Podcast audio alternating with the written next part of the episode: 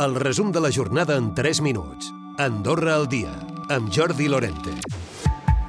286 dones han estat ateses entre el gener i l'octubre pel Servei d'Atenció a les Víctimes de Violència de Gènere. Els nous casos augmenten en comparació amb l'any passat. 135 dones s'han adreçat per primera vegada al servei, mentre que la resta correspon a casos d'anys anteriors, als quals se'ls continua fent un seguiment. La cap d'àrea de polítiques d'igualtat, Mireia Porres, atribueix aquest augment a una major detecció de casos. Sí que és veritat que augmenten els casos nous que arriben al servei i pensem que és degut a la detecció, perquè també la, el tema de la detecció també ha augmentat. Jo crec que està totalment eh, relacionat. La campanya d'estalvi energètic no està tenint el resultat esperat. Només 133 empreses s'hi han sumat.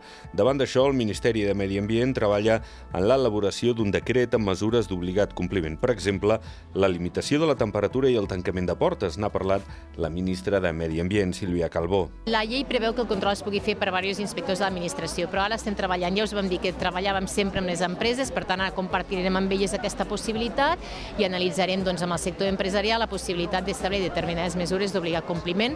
La consellera de la minoria del PS més independents al Comú d'Andorra la Vella, Dolors Carmona, no entén les maneres de la majoria en algunes qüestions, com ara en la desviació pressupostària de les obres de reforma dels Serradells de 792.000 euros i de la construcció del Museu de la Bicicleta, que ha tingut un cost d'1,7 milions d'euros i s'han hagut d'afegir 150.000 euros al pressupost inicialment previst. N'en parlava Dolors Carmona. És diner públic. Nosaltres hem de ser molt curosos amb el diner públic.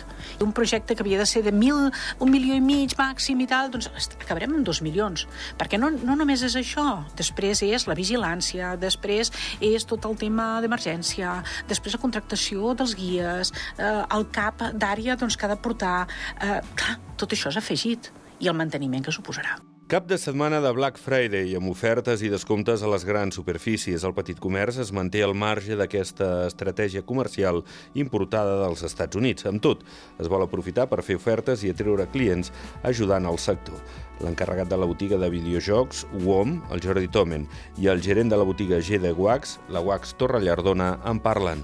Per fer una miqueta d'oferta bona, encara que només són tres dies, però bueno, també per atreure una miqueta l'atenció de la gent. Un dia té la seva gràcia i té la seva història, no? I llavors doncs, bueno, pot ajudar que el mes de novembre, que a vegades és un mes més complicadet, doncs dius, bueno, va. Però moltes vegades és pan para hoy i hambre para mañana. I aquest divendres s'ha restablert el doble sentit de circulació al carrer Prat de la Creu d'Andorra la Vella. Es reprenen, doncs, els recorreguts habituals de les línies de transport públic que havien quedat afectades per les obres de la xarxa de calor. També Andorra la Vella ha inaugurat el poblet de Nadal. Recupera el resum de la jornada cada dia a Andorra Difusió.